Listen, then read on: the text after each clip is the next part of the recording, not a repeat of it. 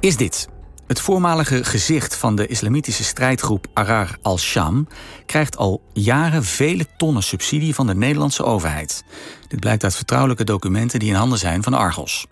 De subsidie is omstreden omdat minister van Buitenlandse Zaken Stef Blok deze Syrische groep eerder een jihadistische club noemde. Hoe zit dat en wie is die man die door Nederland wordt gefinancierd?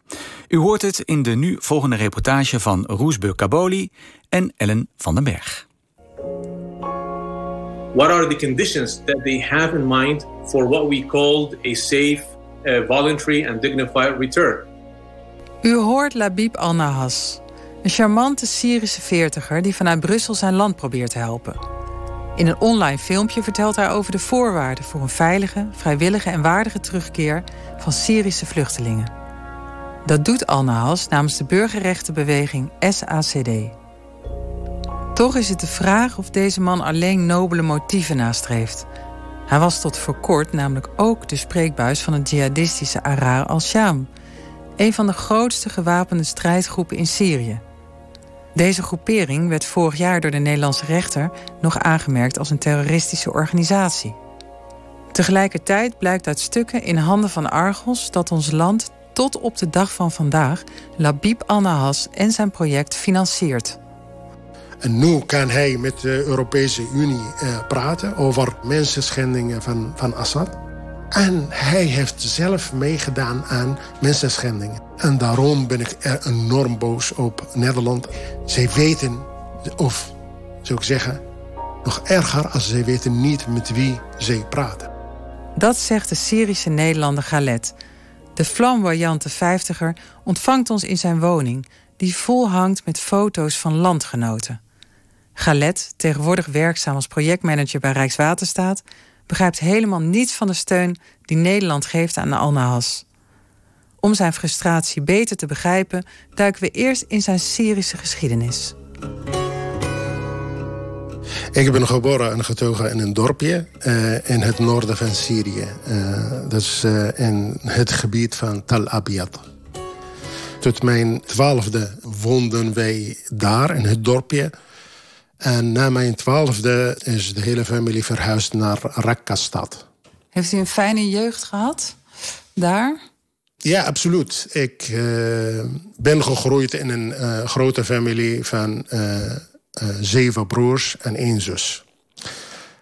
dus ik voel mij goed beschermd door mijn oude broers. Dat is fijn om ook in jouw gedachten, in jouw jeugd te hebben... dat er iemand voor jou dingen kan regelen of uh, naar school gaat of zo dergelijke dingen. Dus dat, dat is fijn uh, geweest. Maar aan de andere kant heb ik mijn, in mijn jeugd uh, begon ik actief in de politiek te, te, worden. En met die politieke activiteiten begonnen de problemen voor Galet. De geheime diensten zitten achter mij aan, altijd. Ik wil leven. Ik wil niet bang blijven van de volgende dag... ze gaan mij nog een keer oppakken. De student landbouwkunde aan de Universiteit van Aleppo zit vijf en een half jaar in de gevangenis, waar hij meerdere keren wordt gemarteld.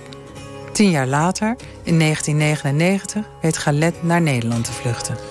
Uh, omdat ik ga niet akkoord met wat ze willen. Ik ga niet mijn uh, mond uh, houden. Als in maart 2013 de oppositie de stad Raqqa weet te veroveren op het leger van Assad, wil Galet graag terug om te helpen. Hij vertrekt met zijn caravan richting Syrië in de hoop op een democratische toekomst. Maar dat valt tegen. Het was echt een verlaten stad. Dus van elke huis blijft één persoon om de wacht te houden in de wijk. Hoe lang was u toen in Raqqa in 2013? Ik ben daar uh, drie maanden gebleven eigenlijk. En ik heb met, met mijn eigen ogen gezien hoe uh, de stad verandert van een bevrijde stad tot een, een zwarte stad. Zwart met jihadisten, bedoel ik dan. Als je in 2013 wakker werd en je, je deed de televisie aan... en je zag Syrische mannen met baarden tegen elkaar uh, ageren... en elkaar kapot schieten op de straten van Syrië... dan zou je denken, dit komt uit de lucht vallen. En dat is natuurlijk niet zo. Ugo Ungur, onderzoeker bij het Nederlands Instituut voor Oorlogsdocumentatie... verzamelt getuigenissen van Syriërs van alle partijen. De dynamiek van het conflict hoe, dus hoe meer die repressie van Assad escaleerde, hoe, hoe meer vernederend en uh, dat geweld van Assad zich bewoog in die samenleving, hoe meer mensen naar de kant van uh, de islamisten zijn uh, verschoven vanwege de radicalisering en natuurlijk ook vanwege buitenlandse financiering. Bij die buitenlandse financiering was ook Nederland betrokken. Dat bleek in 2018 na onderzoek van journalisten. Nederland leverde in de jaren ervoor via het zogenaamde Non-Lethal Assistance programma niet dodelijke goederen aan 22 strijdgroepen in Syrië. Nederland beweerde altijd dat het niet militair betrokken wilde zijn bij de Syrische burgeroorlog. Maar uit onderzoek van Nieuwsuur en het dagblad Trouw blijkt dat de werkelijkheid er heel anders uitziet. Het gaat allemaal om een staatsgeheim programma. Dat liep van 2015 tot begin dit jaar, het NLA-programma. Maar eerst, hoe de Tweede Kamer al jarenlang geen idee heeft wat Nederland op het Syrische slagveld doet. Het waren niet alleen gematigde strijdgroepen die Nederland in het geheim bevoorraden. In 2017 gaf de regering steun aan de jihadistische organisatie Jabhat al-Shamia in de vorm van onder andere uniformen en pick-up trucks. Tot ontsteltenis van de Tweede Kamer. Zeker toen bleek dat het Openbaar Ministerie een verdachte wilde laten veroordelen voor het lidmaatschap van deze groepering, omdat deze terroristisch zou zijn. De regering beloofde beterschap. Maar desondanks financiert Buitenlandse Zaken tot op heden Labib al-Nahas, die tot voor kort spreekbuis was van de jihadistische strijdgroep Arar al-Sham. En opnieuw heeft de Kamer geen idee. Hoe kan dit? De Kamer blijkt niet geïnformeerd te zijn hierover. Tweede Kamerlid Martijn van Helvert van het CDA. Nee, wij zijn niet geïnformeerd over het feit dat uh, die club uh, gesubsidieerd wordt door Nederland. Uh, en al helemaal niet dat Labib al-Nahas van Arar al-Sham daar een grote leider van is. en als ik dit dan nou weer hoor, maar dat dus niet weet, dan maakt mij dat boos. Ik denk van waarom hangt hier zo'n mist rondom alle projecten in Syrië vanuit het ministerie? De Kamer is vooral zo verbaasd omdat ze in 2019 expliciet aan minister van Buitenlandse Zaken Stef Blok had gevraagd of Arar al-Sham ook steun van Nederland had gekregen. Nee, liet de minister weten. Want het ging immers om een club met een jihadistische achtergrond die ook nog eens samenwerkte met een terroristische groep als Al-Nusra. Van die warme banden met andere groepen, daar weet de Syrische Nederlander Galet alles van. Want in 2013 zag hij in Raqqa hoe Arar al-Sham opereerde. Ik was in 2013 in Raqqa. Toen Raqqa werd bevrijd van Assad. En wie was de grote macht daar in Raqqa? Dat is Arar al-Sham. Ze hebben grote fouten in Raqqa gemaakt. Ze hebben samengewerkt met uh, Al-Nusra en IS. Samengewerkt, hè? In één uh, koppel. Behalve dat ze hebben uh, Raqqa, dat is mijn stad, uh, overgenomen. En ze hebben de stad geblunderd. Letterlijk en figuurlijk geblunderd. Want dat zag u? Ja, dat zag ik dagelijks. Wat zag u dan? Ze hebben de dienstauto's van de overheid overgenomen. Ze hebben de bank overgenomen. Ze hebben de gebouwen van de uh, overheden allemaal uh, overgenomen. Ze hebben alles overgenomen en gedeeld tussen Harar al-Sham en Jabhat al-Nusra. Op straat in Raqqa zag Galet hoe leden van Harar al-Sham straffen uitdeelden. Als illustratie laat hij een filmpje zien uit een reportage van nieuwszender France 24. We zien een bebaarde man ja. met een muts op, ja. uh, met een militaire uniform. Klopt. En met de logo van Harar Sham op zijn rug. En er zitten mensen op de grond. En hij laat twee mensen op de grond uh, uh, knieën. En ze krijgen zweepslagen. Zweepslagen van hem. en wat, wat zegt zijn, die man? Op hun rug. En hij zegt dat is omdat ze hebben hun winkels niet dicht gedaan tijdens de vrijdaggebed. En ze hebben niet gebeden? Niet gebeden dus. Ja. En daarvoor worden ze bestraft, bestraft door Arar al-Sham. Ja. Wat voor groep is Arar al-Sham nu precies? Islamoloog Joas Wagemakers. Ahrar al-Sham is eigenlijk een uh, verzameling van diverse strijdgroepen in Syrië... die met elkaar gemeen hebben dat ze allemaal islamitisch zijn... en dat ze allemaal tegen het regime van Bashar al-Assad strijden. Geloven ze in democratie? Nee. Nee, zij zien wijze democratie af als het bestuur door het volk... bestuur door de mensen en waar ze wel in geloven is het bestuur door God. De soevereiniteit van een staat moet bij God liggen. En dat moet zich uiten in het feit dat de wetten van God afkomstig zijn en niet van de mensen. Is het een jihadistische groep? Ja, dat lijkt me wel. Ze zeggen natuurlijk een jihad te voeren tegen het Syrische regime. Terug naar Raqqa. De komst van de jihadisten was een koude douche voor de inwoners. Na het vertrek van de troepen van Assad trok een nieuwe onderdrukker de stad binnen. De 27-jarige Firas zag hoe duizenden aanhangers van Arar al-Sham huizen van onder andere de Shiïtische minderheid in beslag namen. Ook het huis van zijn buurman. Uh, zij willen deze huis. Uh, ik weigerde. Want de, de, buurman was niet thuis? Ja, de buurman was uh, buiten. En ik weigerde dat. En da, daarom begint het probleem tussen mij en Ahrar al-Sham. De biologiedocent en seculiere activist Firas vluchtte in januari 2014 naar Nederland. Hij werkt tegenwoordig in een mondkapjesfabriek. Firas vertelt hoe hij eerder in Raqqa weigerde het huis van zijn buurman af te staan. En dan zijn komen vijf mensen en uh, hebben mij in de auto uh, gezet en meteen naar gevangenis. Ja, toen ik kwam naar de hoofdkantoor van Ahrar al-Sham in gevangenis. En ik heb met Sheikh gesproken. De directeur van de gevangenis? Ja, ja zoals die. En hij zei, we hebben de macht en we kunnen alle huizen overnemen. Daarom ik zei nee, de Assad-regime nu is weg. We willen niet nog een keer opnieuw Assad-regime in onze stad. Firas kwam in een kleine cel terecht. En die kamer is speciaal voor, uh, voor slagen. Zweepslagen? Ja, voor, voor die.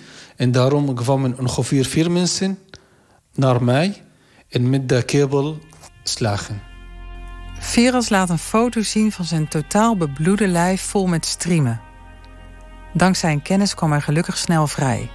Dat geluk had de neef van Galet niet. In Raqqa protesteerde de bevolking tegen de jihadistische onderdrukking. En Galets neef, leider van het seculiere Vrije Syrische leger, bewaakte de stad tegen de militairen van Assad. En hun doel was om de demonstratie te beschermen. Daarom hebben zij de wapens opgepakt. Om te beschermen, om de demonstratie te beschermen. Daarop werd zijn neef door de jihadisten van Arar al-Sham ontvoerd. De ontvoerders kwamen naar Galet en zeiden... Ja, die heb ik uh, ontvoerd uh, omdat hij seculair is. En hij is kafir. Ongelovige. Ongelovige. Wij hebben hier en daar gehoord dat Harasham heeft hem naar IS gegeven. Dat is wat wij... Er is geen 100% zekerheid. Uh, is hij door Harasham gedood of door IS gedood? Dat weten wij niet. Of hij dood is, dat weten Er is geen spoor van leven. Er is geen spoor van leven, er is geen spoor van dood zijn. Dus de, dat is een persoon is gemist. In juni 2014 neemt IS de macht over in Raqqa. De meeste aanhangers van Arar al-Sham vertrekken richting het westen van Syrië, richting Aleppo en Idlib. Het zijn ervaringsverhalen van slachtoffers.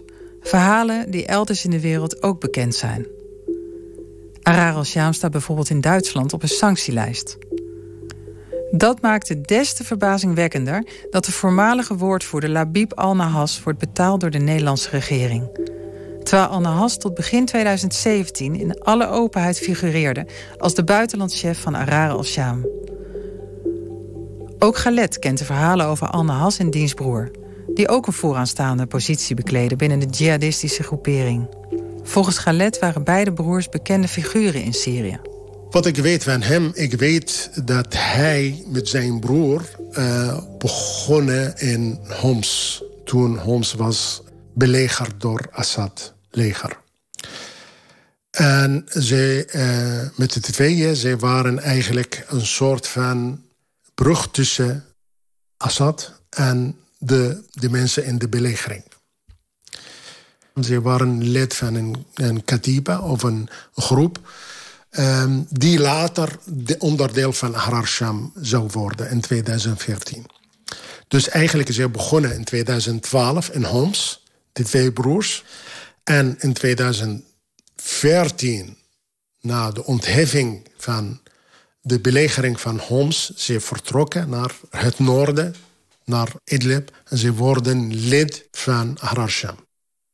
Vanaf 2014 was hij de woordvoerder en, of de, zou ik zeggen, beter gezegd, de PAPR-leider uh, uh, van Sham. En zijn broer is, uh, zou ik zeggen, minister van Economie binnen Sham. Dat Al-Nahas trots was op zijn functie blijkt wel uit zijn Twitter-tijdlijn... waarin hij zichzelf minister van Buitenlandse Zaken van Arar al-Sham noemt. In zijn profielfoto staat het bekende witte logo met groen en zwarte Arabische letters. Hij schreef in 2015 ook een ingezonden stuk in de Washington Post, waarin hij vraagt om erkenning en steun van de Verenigde Staten. Die steun krijgt hij van Nederland. Uit documenten in handen van Argos blijkt dat Buitenlandse Zaken in de periode 2018-2021 meer dan 2 miljoen euro subsidie geeft aan het European Institute of Peace, het EIP, een non-profit organisatie in Brussel. Van daaruit gaat een groot deel van het geld naar een mensenrechtenproject in Syrië, waarvan Nahas de programmadirecteur is. Paul Seals van het European Institute of Peace bevestigt dit.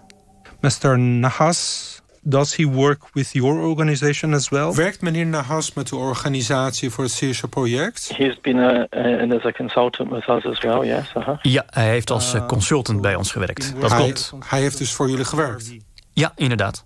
Vanaf het begin van het project? Dat kan ik bijna met zekerheid zeggen. Ja, ja, dat klopt. En werkt hij nog steeds voor jullie? Ja. And till now he's working with your organization? Mm -hmm. En bent u op de hoogte van zijn verleden als chef buitenlandse relaties van de Syrische strijdgroep Ahrar al-Sham? So you're asking me, am I aware that he was formerly the external relations... Vraagt u mij of ik wist van zijn verleden als chef buitenland eh, van deze organisatie? Ja, dat vraag ik u. Ja, daar ben ik van op de hoogte. Hij heeft het nooit verborgen. Het is uh, publiekelijk bekend geweest. Het zou ook heel raar zijn uh, als ik het niet zou weten. En heeft u dat met de Nederlandse staat gecommuniceerd? Of wij gecommuniceerd hebben dat hij lid was van Agrar al-Sham? Ja. Nou, het was in 2017 toen de Nederlandse regering zei... dat ze geen terroristische organisatie waren. Dus voor zover ik weet, zegt de Nederlandse regering dat nog steeds.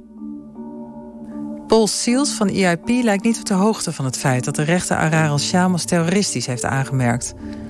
Bovenop de subsidie voor zijn project... krijgt Nahas een vergoeding van minimaal 7000 euro per maand... In een online video geeft hij uitleg over zijn project. And, and to our surprise, um, the, the campaign actually a lot of attention. Hij is zelf verbaasd dat zijn project zo aanslaat. And, and really mobilized a wide range of Ze helpen vluchtelingen een stem te geven om een veilige en vrijwillige terugkeer te waarborgen. We as refugees, as displaced people, as, as half of the population of Syria, we do matter.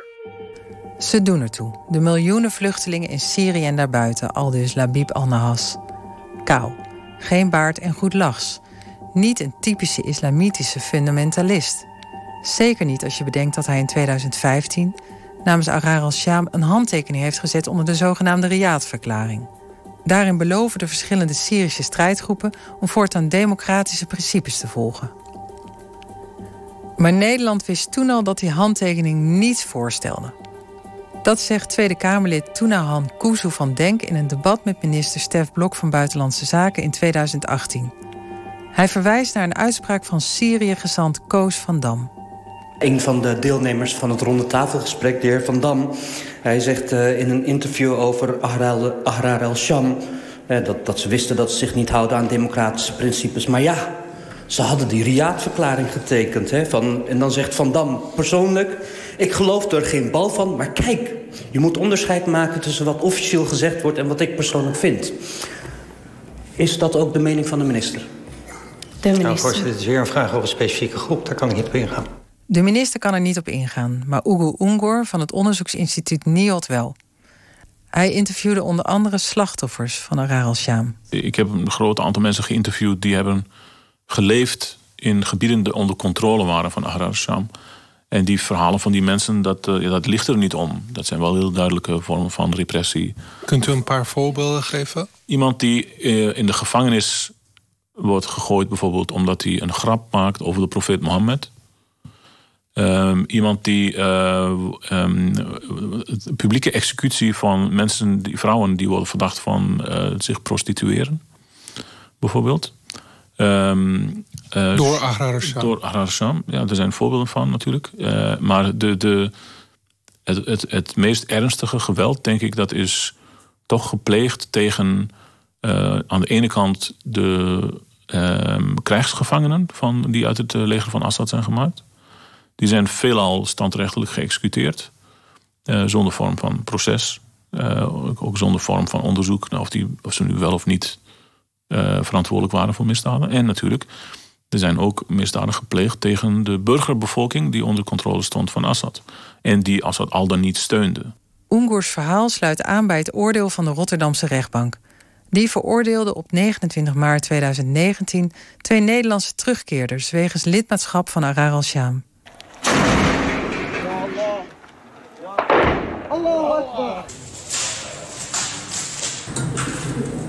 I'm fighting in Syria first of all to put the law of Allah subhanahu wa ta'ala that's wiped away from the, uh, from the uh, world uh, uh before.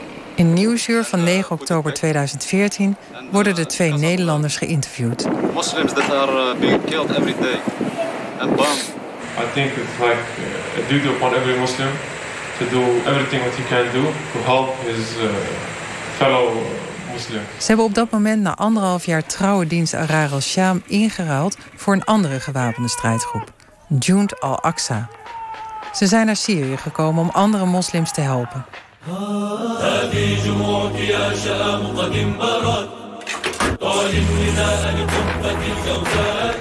Een liedje van Arar al-Sham uit een gelikte video.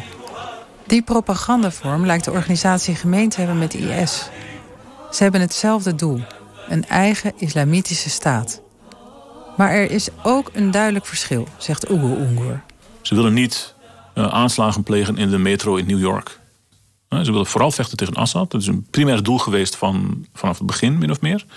En dat is wel echt anders dan een aantal andere brigades in Syrië. Voornamelijk de twee grootste, het Nusra-front en de Islamitische Staat, ISIS.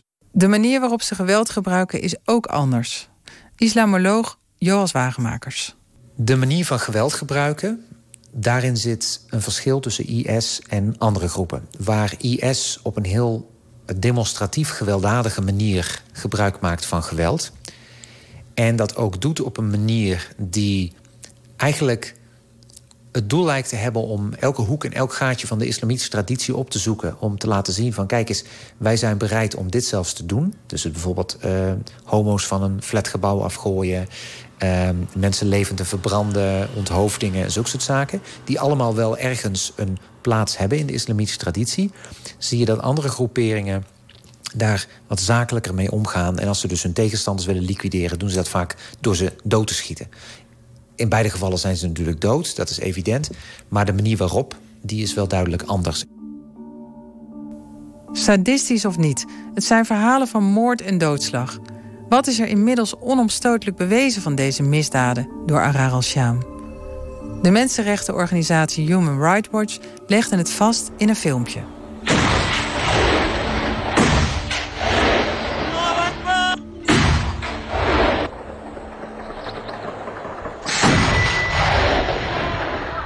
Lama Faki van Human Rights Watch deed onderzoek naar een aanval door onder andere strijdgroepen Arar al-Sham en Jabhat al-Nusra in augustus 2013 in de provincie Latakia aan de westkust van Syrië. when I was in Latakia countryside, people came up to us and they described in detail finding dead relatives either in a mass grave or in their homes in the village. Faki was kort daarna ter plekke. Latakia is een bolwerk van Alawieten, de geloofsgroep waar president Assad van afstamt. When we arrived in the countryside, what we saw was that village after village, homes had been destroyed, homes had been burnt, and that the population was by and large not around. De aanval die dagen duurde, eindigde met 200 gijzelaars en 190 doden, grotendeels geëxecuteerd. Ook Amnesty onderzocht of Arar al-Sham oorlogsmisdaden pleegde. We bellen met Amnesty-woordvoerder Ruud Bosgraaf. Het is wel een organisatie die toch um, ja, op vrij grote schaal mensenrechten geschonden heeft. Dan moet je echt denken aan ontvoeringen, martelingen, uh, moord. Amnesty International heeft een aantal gevallen onderzocht. Kunt u iets meer daarover vertellen uh, en ons ook een concreet beeld geven van wat zij precies deden en wat jullie hebben onderzocht? Ja, om een paar voorbeelden te noemen. Een, een uh, ja, heel berucht geval was in december 2015. Toen werden er een, uh, een aantal uh, jongens, kinderen van 14, 15, 16 jaar... ontvoerd op de grens van, van Syrië en Turkije. Twee van die jongens zijn eigenlijk nooit meer teruggevonden. En altijd een beetje onduidelijk gebleven waarom zij nou ont, uh, ont, ontvoerd zijn. Maar dat is wel een van de, ja, een van de ernstigere uh, incidenten. En een tweede is in, het, uh, in Aleppo, in het Sheikh Massoud gebied. Dus dat is bij het vliegveld daar. In april 2016 vonden er een aantal raketaanvallen plaats... door eigenlijk de coalitie waar al-Sham deel van uitmaakt. En daar kwamen vier burgers bij om het uh, leven. Allemaal uh, minder, uh, minderjarigen, waaronder twee meisjes en twee jongens.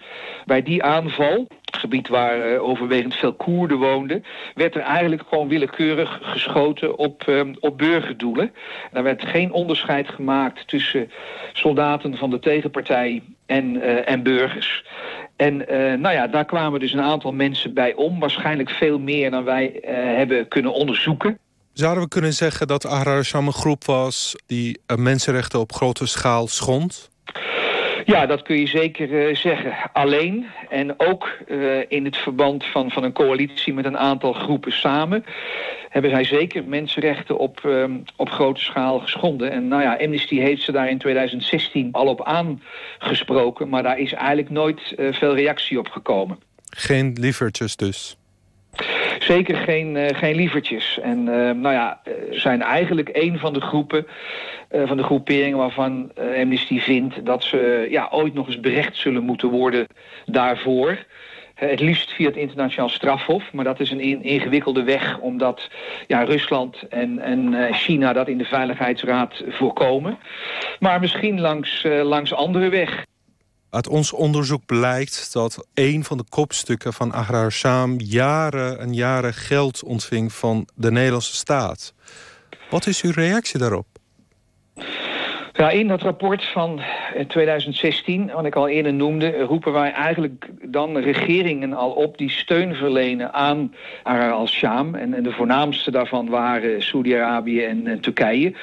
Maar en ieder die steun verleende om daar onmiddellijk mee te stoppen... om dat niet te doen, uh, omdat de groepering het internationaal humanitair recht uh, schendt. Dus als die steun er geweest is, dan is dat afkeurenswaardig. Paul Seals van het European Institute of Peace gaat bewust met mensen als Al Nahas in zee. I think it's essential that people have come from those backgrounds. Ik denk dat het heel belangrijk is dat mensen met dit soort achtergronden werken voor deze projecten. Ik denk dat het gevaarlijk is om mensen te dehumaniseren en uit te sluiten. En helemaal als het gaat om vredesopbouwactiviteiten. We komen in contact met Labib Al-Nahas, hij wil niet op de radio, maar in een schriftelijke reactie laat hij weten... Ik ben me er wel van bewust dat er beschuldigingen zijn van mensenrechtenschendingen... tegen individuele leden van Arar al-Sham. Ik heb me juist ingezet om te voorkomen dat Arar al-Sham... een extreme ideologie zou gaan aanhangen. Uiteindelijk ben ik bij de groepering vertrokken... vanwege onoplosbare verschillen van inzicht over het leiderschap.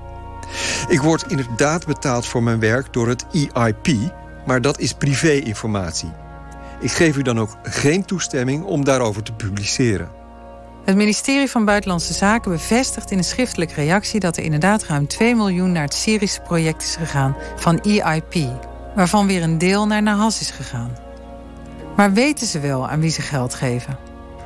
Nee, het ministerie van Buitenlandse Zaken beschikt niet op individueel niveau over informatie van alle medewerkers die betrokken zijn bij organisaties of projecten die door Nederland over de hele wereld worden gesteund. De partnerorganisatie moet zorgen voor de noodzakelijke checks, zoals ook in dit geval is gebeurd. Volgens het EIP zijn er geen aanwijzingen dat Labib El Nahas ooit heeft deelgenomen aan of heeft bijgedragen aan vermeende schendingen van de mensenrechten of het oorlogsrecht. Het ministerie zegt bij aanvang niet op de hoogte te zijn geweest. Maar uit onze documenten blijkt dat ze het wel hadden kunnen weten. In het voorstel naar BZ in handen van Argos staat Nahas namelijk met naam en toenaam genoemd. En nog geen maand geleden zaten ze in een Zoom-conferentie met elkaar. Tweede Kamerleden Martijn van Helvert van het CDA en Joël Voordewind van de ChristenUnie gaan Kamervragen stellen. Ze willen tekst en uitleg van de minister. De minister moet weten dat dit gevoelig ligt in de Kamer. Uh, zeker ook bij mij persoonlijk, omdat ik er al zo vaak schriftelijke vragen over heb gesteld. Het is ook heel bijzonder dat minister Blok heeft geweigerd om Arar al-Sham op de lijst van terroristische organisaties te zetten, ondanks de vele adviezen ook vanuit het buitenland. Uh, en als je dus nu ziet dat de minister weigert ze op een terroristische lijst te zetten, en ik nu dus ook hoor dat een voormalig kopstuk van Arar al-Sham miljoenen euro's heeft gekregen voor burgerprojecten, ja, dan vind ik die combinatie heel vreemd. Ik ga dus echt de minister vragen stellen, schriftelijk, dat ze ook op schrift terugkrijgt die antwoorden. Van uh, hoe is dit gelopen? Waarom betalen we dit nog steeds? Hoe wordt gecontroleerd dat deze meneer ook doet met het geld wat hij zegt dat hij doet, namelijk voor burgerrechten in plaats voor schieten op burgers? En hoe wordt gecontroleerd dat deze meneer inderdaad van de een op de andere dag van een terrorist tot een heilige is gedraaid? Nou, mijn eerste reactie is dat het heel verontrustend is als ik dit allemaal lees. Niemand mag een terroristische organisatie steunen, dat is strafbaar. Um, dus ik vraag me dus heel sterk af hoe heeft deze selectie kunnen plaatsvinden. Als ze het niet wisten, dan uh, maak ik me ook zorgen. Want dat betekent dat ze deze mensen dus niet goed screenen. Er zitten ook enkele honderden medewerkers uh, bij het ministerie om dit soort dingen te checken. En het gaat niet om een paar tienduizenden euro's. Het gaat echt om 2 miljoen euro van de belastingbetaler. Dat moeten we goed kunnen verantwoorden. En als we het wel wisten, dan hebben we helemaal een probleem. Uh, want dan betalen wij dus indirect gewoon mensen die betrokken waren bij een terroristische organisatie. Uh, hoe kan het dat deze meneer niet goed gescreend is? Uh, hoe zit het met andere proposals? screenen wij de leidende figuren in die organisaties wel die subsidie krijgen van Nederland? En kunnen wij de subsidie stopzetten? Um, maar ook hoe kunnen we het geld terugkrijgen omdat dit onterecht aan een iemand is betaald die betrokken is geweest naar Nederlandse maatstaven bij een terroristische organisatie. Ja, u hoort het. De Kamer denkt er heel anders over dan het ministerie van Buitenlandse Zaken. Dus daar is het laatste woord nog niet over gezegd. We zullen van u van deze zaak op de hoogte houden. U luisterde naar een reportage van Ellen van den Berg, Roesbe Kaboli met medewerking van David Davidson. De techniek was in handen van Alfred Koster, eindredactie Harry Lensink. En wilt u dit verhaal nog eens terugluisteren? Ga dan naar onze site vpro.nl/argos. Zo dadelijk de